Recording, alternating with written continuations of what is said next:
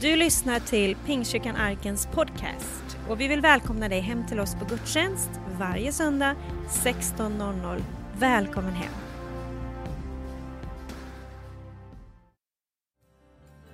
Underbart. Ska vi ge Jesus kungars kung och herrars herre den, den bästa applåden vi kan ge det här starten på det nya året. Bara tacka honom för att han är din frälsare. Halleluja. Underbart att komma samman i Guds hus, eller hur? Och tillbe honom, ära honom. Tack lovsångsteamet, tack alla som är med och bygger kyrka vecka efter vecka. Vi har en tekniker där uppe som jag ser just nu. Ska vi bara ge honom också en rejäl applåd. Vi har många volontärer här i kyrkan som gör ett fantastiskt jobb. Men han ser till att den här gudstjänsten kommer ut på radio här i Värnamo. Och det är fantastiskt. Eh, det är ett nytt år. Och eh, är det någon som har Fundera på något nyårslöfte? Nej, det var ingen. Jag ger tre till mig själv. Det första är att jag ska röra mig varje dag. Det är inte så svårt, jag kan ju gå till kaffemaskinen. Men extra rörelser. Alltså, du vet, så man blir riktigt lite svettig faktiskt. Jag vill bli svettig varje dag. Hur många längtar efter att få bli svettig varje dag? Det var några stycken. Du vet, eh, svett är fett som gråter. Det var det var jag ute efter. Jag ska gråta ut mycket ur mitt liv. Sen har jag också gått in i en bibelapp som täcker hela bibeln på ett år. Det finns många fina bibelappar, eh, det finns många tankar man kan få med där, så jag försökte hålla den ajour. Är det någon som har följt en bibelplan någon gång? Det är några stycken, det är fantastiskt bra. Visst är det, visst är det en utmaning när man missar en dag? Då måste man läsa en kapp. Missar man två dagar, då blir det ännu värre. Men den här appen gör att man kan bli uppdaterad hela tiden. Så man, liksom, eh, man liksom förlänger tiden på något sätt och man kommer liksom i takt med sig själv. Det är en fantastisk app.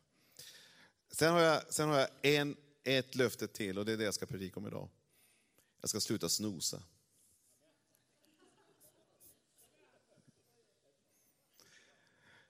Så det här året, det är ett snosfritt år. Därför att jag vill vara vaken så mycket jag bara kan. Vad är snosa för någonting? Jag vet inte om ni gör det någon gång, men i telefonen finns det oftast en funktion eh, och i din väckarklocka finns det en funktion som gör att man kan, man kan förskjuta och framflytta det obehagliga att kasta av sig täcket och gå ner på ett kallt golv. Det är vad snosa är. Man, man förlänger på något sätt eh, beslutet att kliva upp ur sängen. Eh, och eh, det är, en, det är en utmaning för oss ibland, speciellt eh, i vissa epoker, att ta sig, ta sig upp ibland. Jag vet inte om du har utmaningar kring det. Och ibland så ställer man klockan och man överlåser till en viss tid. Man vet, någonstans långt tillbaka i det undermedvetna vet man att nej, jag, kan nog, jag, kan nog, jag kan nog tänka mig en halvtimme extra. Alltså det säger man inte, man lurar, lurar sig själv lite grann. För man, man snosar sig bort lite grann. Och då kan man missa möjligheter. För jag menar att, att dagen kan börja på flera olika sätt. Man kan börja en dag i stress, man kan också börja en dag i planering. Eh, och jag vill planera min dag. Jag vill börja en dag då jag börjar på ett rätt sätt, med rätt start, med rätt frukost, med rätt eh, övningar, med rätt gympapass. Eh, jag har lärt mig också att man ska duscha kallt. Det är en ny, en ny idé. Därför det sätter igång hjärn, hjärnaktiviteten också. Det finns många saker man kan göra på morgonen om man planerar lite grann. Så att eh, jag vill starta min dag fräsch. Hur många vill göra det? Hur många vill starta dagen fräscht? Så lägg gärna in en tanke att vi ska sluta snosa. Men det finns också en tanke som jag ska lyfta fram här. Det är att jag tror att 2020 ska bli ett snusfritt år andligen. För vi vill gärna förlänga saker till framtiden. Men det kan också bli en ursäkt att det aldrig blir gjort. Vi kan slänga fram saker som att jag ska verkligen få ordning på mitt eh, kanske bibelläsande, jag ska få ordning på, på min ekonomi, jag ska få ordning på mitt rum, jag ska få ordning på mitt garage. Det är lätt att snosa fram det hela tiden. Men i år så är det slutsnosat. I år är ett år då vi ska fånga in allt vi bara kan. Vi ska maximera det här året så mycket vi bara kan. Och det bästa man kan göra det, det är tillsammans med Jesus. Han kan få oss klarvaken. Han kan få oss att hjälpa oss att inte förflytta saker framåt hela tiden. Vet, vissa människor blir man väldigt pigg av. Men jag har märkt nu, det kan ha att göra med åldern också, att vissa människor jag pratar med, jag har väldigt svårt att hålla mig vaken faktiskt. Säg inte det till någon. När jag sitter och lyssnar på vissa människor så, så känner jag hur ögonlocken blir fruktansvärt tunga. Det finns en, en, en liksom ljudnivå som kommer, det kan vara väldigt monotont. Och jag har väldigt svårt, det är inte något fel på den personen, utan det är fel på mig. Det är jättefel på mig. Men jag får kämpa och min fru tycker det är så fruktansvärt pinsamt när hon ser hur jag börjar liksom gå in i en annan dimension och en annan värld. Så hon liksom gör alla möjliga tjuvknep för att hålla, hålla igång the man. Men det finns människor som håller en jättevakna. Därför att de har någonting att berätta, det finns en energi över dem, det finns en, ett liv över dem, det finns någonting fräscht över dem. Eh, och den bästa personen som, som kan hålla oss klarvaken, det är faktiskt Jesus Kristus. Han vill hålla dig klarvaken. Men det kommer att komma en period, och Bibeln säger det väldigt tydligt, att innan, innan Jesus kommer tillbaka så kommer det att finnas en kamp, och det är kampen mot sömn. Det är kampen mot sömn. Jag kan uppleva ibland att det finns en sömnaktighet över Guds folk, och över Guds församling, och över Guds vägar framåt. Det finns en, en, ett täcke ibland av en sömn. Eh, och jag, jag tror att det är så lätt att man går in i ett slags zombieliknande förhållande. Man går omkring, man rör sig men man rör sig inte egentligen. Man går omkring och eh, man syns att man rör på sig men man är inte vaken riktigt. Man går omkring sömndrucken, man går omkring eh, oalert. Men Gud vill göra det alert. Och säga att varje dag är en gåva, från och med nu så är varje dag en gåva till dig som du kan maximera eller ignorera och bara låta dem passera. Men varje dag är en möjlighet som du kan fånga in och göra någonting som kan förändra människors liv och göra en skillnad. Det är en möjlighet för dig. Oavsett vad vi går igenom som människor så finns det ändå en möjlighet för oss att kunna fånga dagen och fånga tillfället. Men på grund av att sömnen kommer så djupt över oss så ser vi inte möjligheterna. Är man sömnig så är det, man, får, man, får inte köra, man ska inte ens köra bil när man är sömnig. För man kan köra av vägen. Jag vet vänner som har gjort det ett antal gånger. Någon som sitter här inne också. Tack och lov så gick det bra. Men det kan hända saker när man är sömnig. Därför man är inte lika alert. Och man har också lätt att drifta av vägen när man håller på att somna in. Och det kan leda till oanade effekter faktiskt. Så håll dig vaken. Sluta snosa. Så det heter min, min predikan här. 2020 året vi slutade snosa som församling.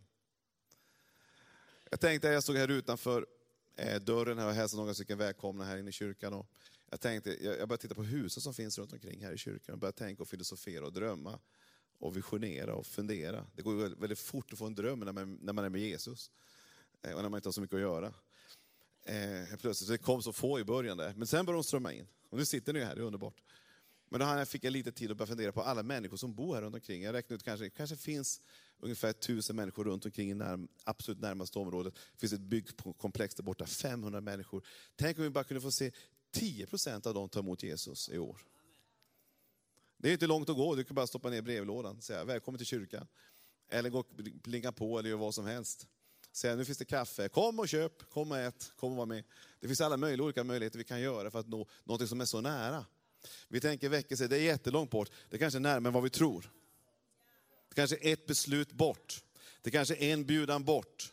Det kanske är en telefon, eh, telefonkontakt bort eller ett sms bort, så kan vi få se en rörelse ske. Jag ber om en alert kyrka 2020. Jag ber om en, en hungrig kyrka 2020. Jag ber om en kyrka som har fullt påslag ljus över sig 2020. Jag ber om en kyrka som ser möjligheterna och inte omöjligheterna. Som inte lever i en skuggvärld, utan lever i dagsljus i Jesu namn. Det är vad jag drömmer om att arken ska vara. Fullt påslaget ljus, som bländar nästan. Så du behöver nästan ha solglasögon på dig, för framtiden är så ljus att du borde ha solglasögon. Det är en gammal slogan kan jag säga. Men Gud vet att du ska förvänta dig någonting. Bibeln talar om Jesus vid ett tillfälle. Han säger så här, eh, det var dags för mat. Det var matdags. Men när lärjungarna kom till Jesus så upptäckte de att, att Jesus var självklart intresserad av mat, men han sa att det finns något viktigare än mat. Så när du sitter och käkar med människor runt omkring och går på en restaurang, så är maten intressant. Men det finns något som är viktigare än just den rätt du får. Vad är det för någonting? Ja, Jesus säger att hans mat, han säger så här, Jesus sa, min mat är att göra hans vilja som har sänt mig. Och att fullborda hans verk. Säger ni inte, fyra månader till, sedan kommer skörden. Alltså, säger ni inte, vi snosar, vi snosar fyra månader till, vi snosar fem månader till. Ja, nästa år kanske det sker, efter nästa konferens kanske det sker. Ja, kanske imorgon det sker, men det kan inte ske idag. Det är vad vi gör. Hänger ni med? Men det Jesus säger, men se, jag säger er, lyft blicken, halleluja. Och se hur fälten har vitnat till skörd. Det finns enormt många möjligheter runt omkring oss. Redan nu får den som skördar, eh, redan nu får den som skördar sin lön, han samlar in frukt till evigt liv, så att den som sår och den som skördar får glädja sig tillsammans. Halleluja! Vad innebär det här? Det innebär, sluta snosa. Jesus, han väntade in förrätt och efterrätt och varmrätt och allt som skulle komma. Men under tiden som det var på väg att förberedas så hann han vinna en människa för Jesus. Till Guds rike, han, han vinner dem in i Guds rike, in till sig själv kan man säga. Alltså han, han fick vinna någon för Guds rike och ge evigt liv under en lunchrast. Du har ingen aning om hur Gud kan maximera dina restaurangbesök. Hallå? Du kan tänka, nej men det är väl bara att käka. Nej men det finns människor där också. Och jag har märkt de som har växande kyrkor, jag träffar många pastorer genom åren. Det intressanta är inte vad de predikar, det intressanta är hur de är efteråt. När vi går ut och käkar. De pratar med, med liksom alla servitörer som finns i hela restaurangen. Och, och liksom ger dem komplimanger och uppmuntran. Och så börjar de prata om vägen fram på olika sätt. Berätta att de är kristna och att de på något sätt vill hjälpa dem fram till Gud. Jag var i Texas för ett tag sedan och nu är det bibelbältet. Men varenda gång jag käkar med, med, med, med min vän som heter John Dunn, så frågar han alltid servitören, hej vi är pastorer här. Eh, vi, vi, vi ska ta en stund i bön här nu innan vi äter. Har du något, någonting vi ska be för? Alltså han maximerar tillfället. Det finns mängder med sätt vi kan göra det på, men Gud vill att du ska maximera ditt liv tillsammans med Gud och se att det finns möjligheter, därför att det finns människor. Direkt det finns en människa finns det möjlighet. Halleluja. Så Gud vill att du ska vara lite, men är man sömnig då ser man ingenting annat än mat, det bara ge mig mat, bara äter. Då är du fylld av dina egna drifter. Men Gud vill att du ska vara vaken i anden. Det innebär inte att vi hela tiden ska vara på helspänn. Men när du börjar vandra med Gud så börjar du höra signaler från den helige Ande. Du börjar höra hur Guds röst talar till dig. Du ser möjligheter, Gud börjar verka i dig. Det, det står så här i Bibeln att Gud har förbestämt saker och ting. Det finns människor du ska möta det här året som han har förbestämt att du ska möta. Det finns människor som du ska koppla med det här året, som han har kopplat, som han redan har förbestämt sedan evigheter sedan, som bara du har nyckeln in till. Därför att Gud har designat den för en tid som denna. Du kan tänka, det här är ett år som bara passerar. Nej, det är ett år som du kan få se mirakel ske. Och Gud vill att du ska vara alert för det, öppen för det, vaken för det. Inte sömndrucken hela tiden. Och vägen in, det är att börja faktiskt ta en stund med Jesus varje dag. En liten stund med Jesus, det kan förändra allt. Så jag vill bara ge dig några korta punkter här utifrån en bön som Paulus sa. Jag ber många böner, men jag börjar be, mer och mer be eh, utifrån Bibelns böneliv och bönetempo. Man kan be fria böner, jag tror på den fria bönen, men ibland kan den fria bönen bli väldigt slentrianmässig faktiskt. Men när du börjar be utifrån bibliska böner, då vet du att du står på rätt grund. Och du vet att du har möjlighet att få se ett genombrott, för det är Gud själv som har tecknat ner de bönerna. Varför då? För ett syfte, för han vill se ett genombrott i ditt liv. Så om du börjar be utifrån Fader vår, så är det en bön som Gud har nedtecknat sedan evigheter sedan, eller i alla fall för 2000 år sedan. För att ge dig möjlighet att kunna stå på stadig grund när du ber. vi ber en bön som heter Jabes bön varenda dag, jag och Camilla, över våra liv. Gud välsigna oss. Gud låt din eh, hand räckas ut över oss. Tack att du utökar vårt inflytande område och tack att du låter oss och bevarar oss från smärta. Den behöver vi be varje dag. Därför att vi vet att det är en biblisk bön som Gud har gett oss. I krönikeboken kapitel 4. Men här är en bön som Paulus ber som jag tycker är väldigt intressant. I, i, det står i Efesierbrevet 1, vers 17-19. Och jag ber att vår Herre Jesu Kristi Gud, härlighetens far, ska ge er visheten och uppenbarelsens ande så att ni får rätt kunskap om honom. Jag ber att era hjärtans ögon ska få ljus, så att ni förstår vilket hopp han har kallat er till. Hur rikt och härligt hans arv är bland de heliga, och hur oerhört stor hans makt är i oss som tror. Därför att hans väldiga kraft har varit verksam. Här tar Paulus i rejält kan jag säga. Ibland tycker folk att jag är mycket superlativ och att det är stora ord, men alltså, jag kommer inte i närheten av Paulus. Han, han klämmer i rejält här i sluttampen, kan man säga. Det är oerhörda kraft, mäktiga kraft, enorma kraft. Amen. Varför då? Därför att det är sant. Paulus trodde på det här för att han såg det fungera i det verkliga livet. Här är en fantastisk resa och böneresa för dig och mig för att hjälpa oss själva och varandra att hålla oss klarvakna. Här ber Paulus för den unga kristna i Efesos, den nya kristna i Efesos, att ni har blivit frälsta, ni har tagit emot Jesus, men nu kommer en väg framåt och vi vill ingenting hellre att ni håller er klarvakna hela vägen fram till att Jesus kommer tillbaks. Eller ni flyttar hem till Herren. Här finns en fantastisk ingrediens att kunna be för nykristna. Vi vill inte få nykristna som blir bara churchgoers. Vi vill ha nykristna som blir church builders, som börjar bygga kyrka. Vi vill inte ha människor som bara blir passiva och pacificerade, utan vi vill ha människor som är alerta och med och tjänar. Vi vill ha en aktiv kyrka. Och det Bibeln säger är att, att det finns en kraft hela tiden som vill drifta oss in i skuggornas värld. Men Gud vill hålla det klarvaken och en av de bitarna, det var att be. En av de viktigaste bitarna är att. Vi ska ha en bönekampanj alldeles snart här. Eh, då vi ska be om, två, om en, en vecka ungefär. Den 13, den 13 januari börjar vi vår bön och fasteperiod. Jag, jag, jag kan inte vänta, jag längtar efter sådana perioder. Varför då? Därför att jag vet att det gör kyrkan pigg. och alert. Uppstudsande. Och därför så längtar jag efter de tillfällena. Men jag önskar att bön inte bara ska bli ett event, utan någonting du kan leva i dagligen.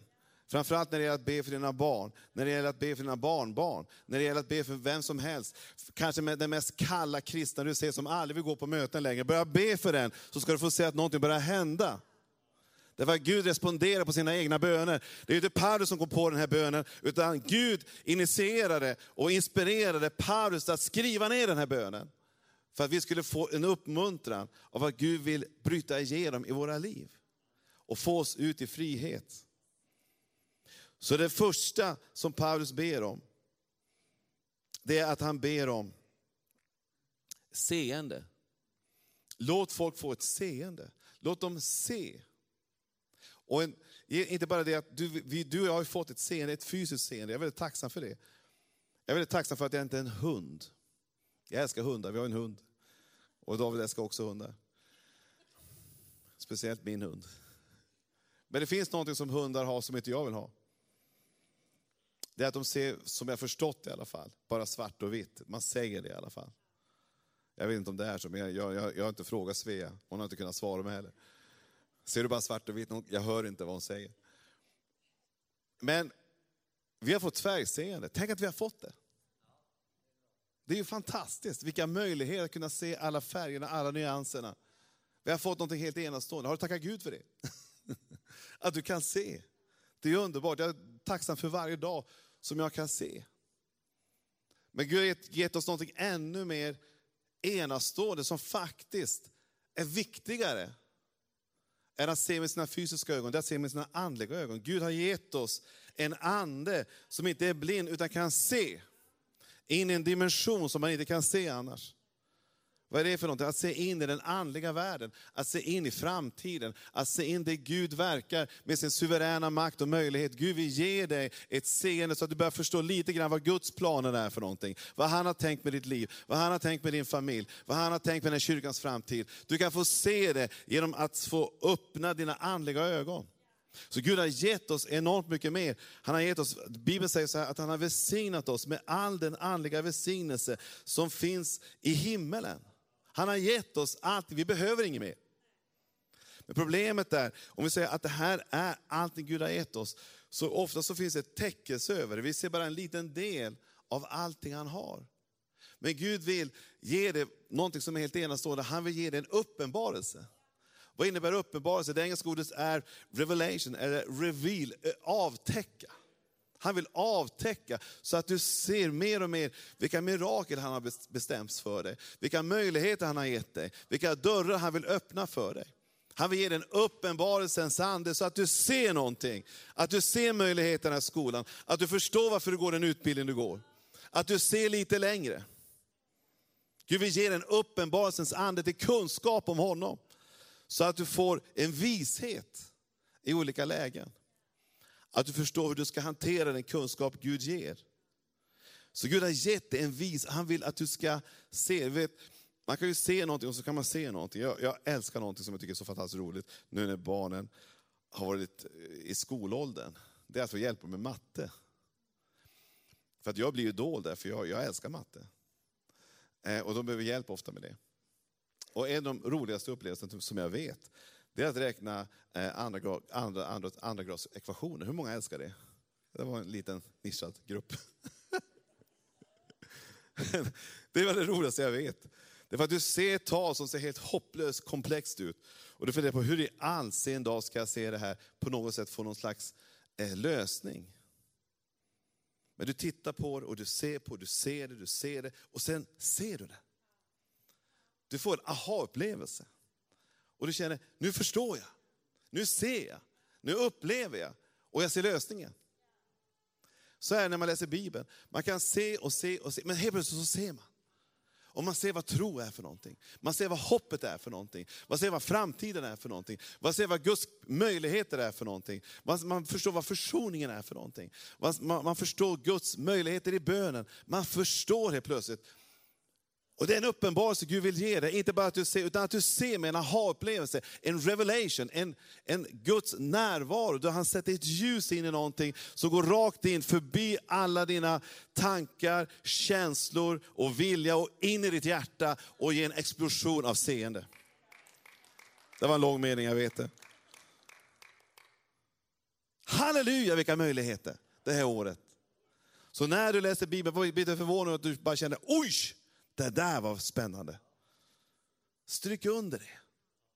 Rita, använd din bibel inte som en, bara liksom en utställningsobjekt, utan börja använda det som en handbok för livet. En, en arbetsbok, för Gud talar personligen till dig. Hur då? Via uppenbarelse, via revelation via någonting personligt. Det är inte bara för en allmän kunskap, utan det är en kunskap som kan bli personlig för dig själv.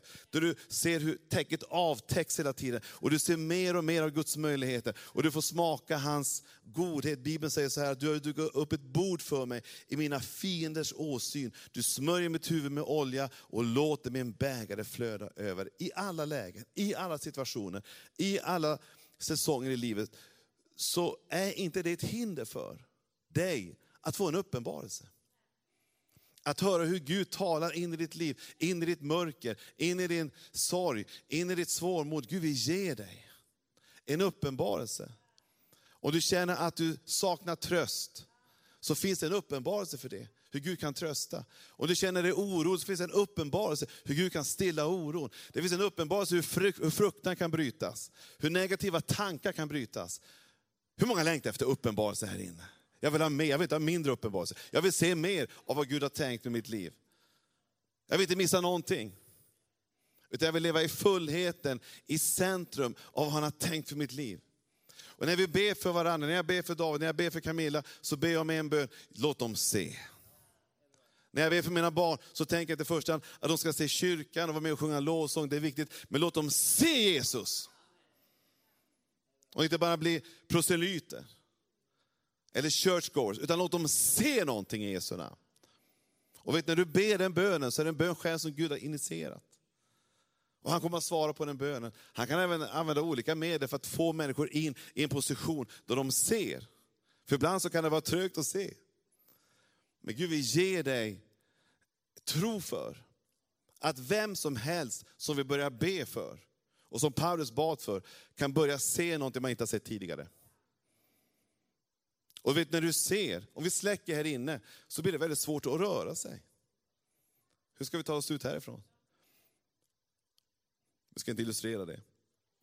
Men om, när vi ser, när vi har ljus, då, då kan vi röra oss mycket mer ledigt.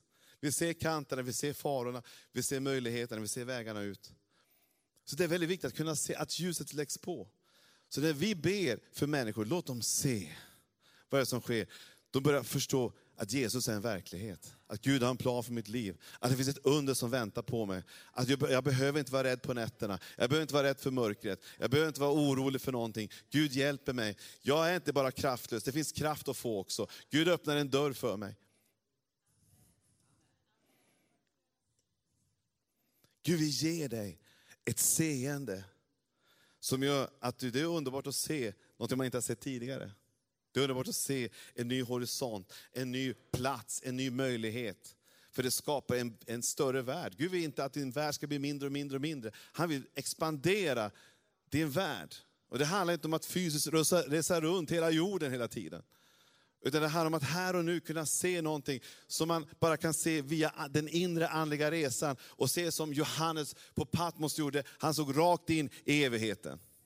Han kunde skriva ner ett antal kapitel, 21 kapitel, om det seende han hade på en plats som ingen ville vara på, som heter Patmos, som var en plats för kriminella och brottslingar, men där var Paulus, Johannes begränsad, men han såg någonting. Det kallas för Johannes uppenbarelse. Halleluja. Gud vill att du ska få se någonting som inget öga har sett, som inget öra har hört. Guds frälsningsplaner. Och det innebär att när du står här ute, så tänker du inte vad kallt det är här ute. Du ser, du ser byggnader runt omkring dig. Du ser människor som bor i de här byggnaderna. Du ser att där finns det människor som börjar längta efter Jesus just nu. Och som ingen än kanske har gått och knackat på, men om vi ser så börjar vi gå i Jesu namn. Men om vi inte ser, då ser vi ingenting. Då ser vi bara kulisser. Vi ser massa härliga Värnamobor som verkar se glada, och trevliga och lyckliga ut. Men bakom de kulisserna finns det någonting. Det finns en tomhet som ekar. Men Jesus kan fylla den tomheten. Men vi måste se det. Tack Jesus, nu har pianisten kommit här och jag har bara hunnit till punkt ett. Det var ju, det var ju, det var ju en utmaning känner jag.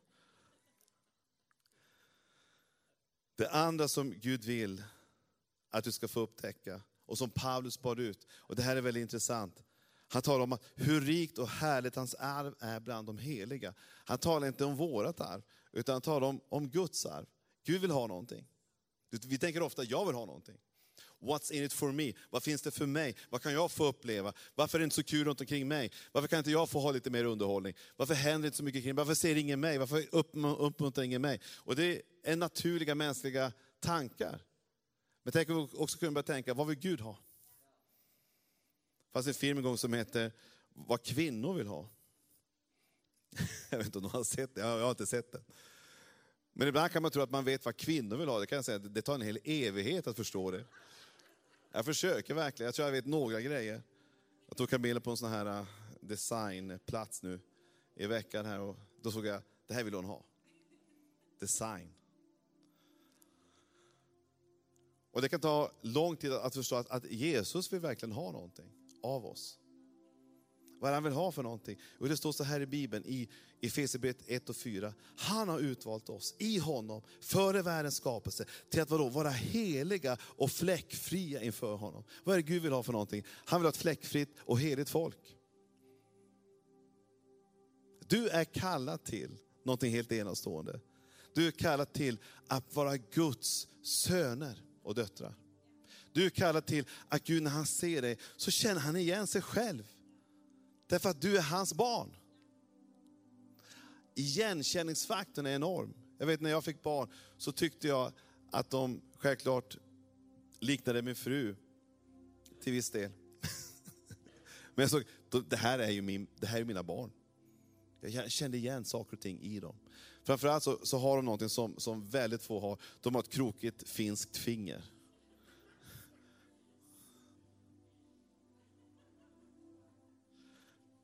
Och jag bara kände direkt, det här är mina barn. Jag tror att, att Gud, vår far i himmelen, vill se i dig godhet. Jag känner igen det.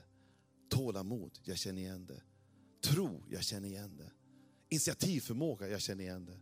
Kärlek, jag känner igen det. Glädje, jag känner igen det. Vad glada de är.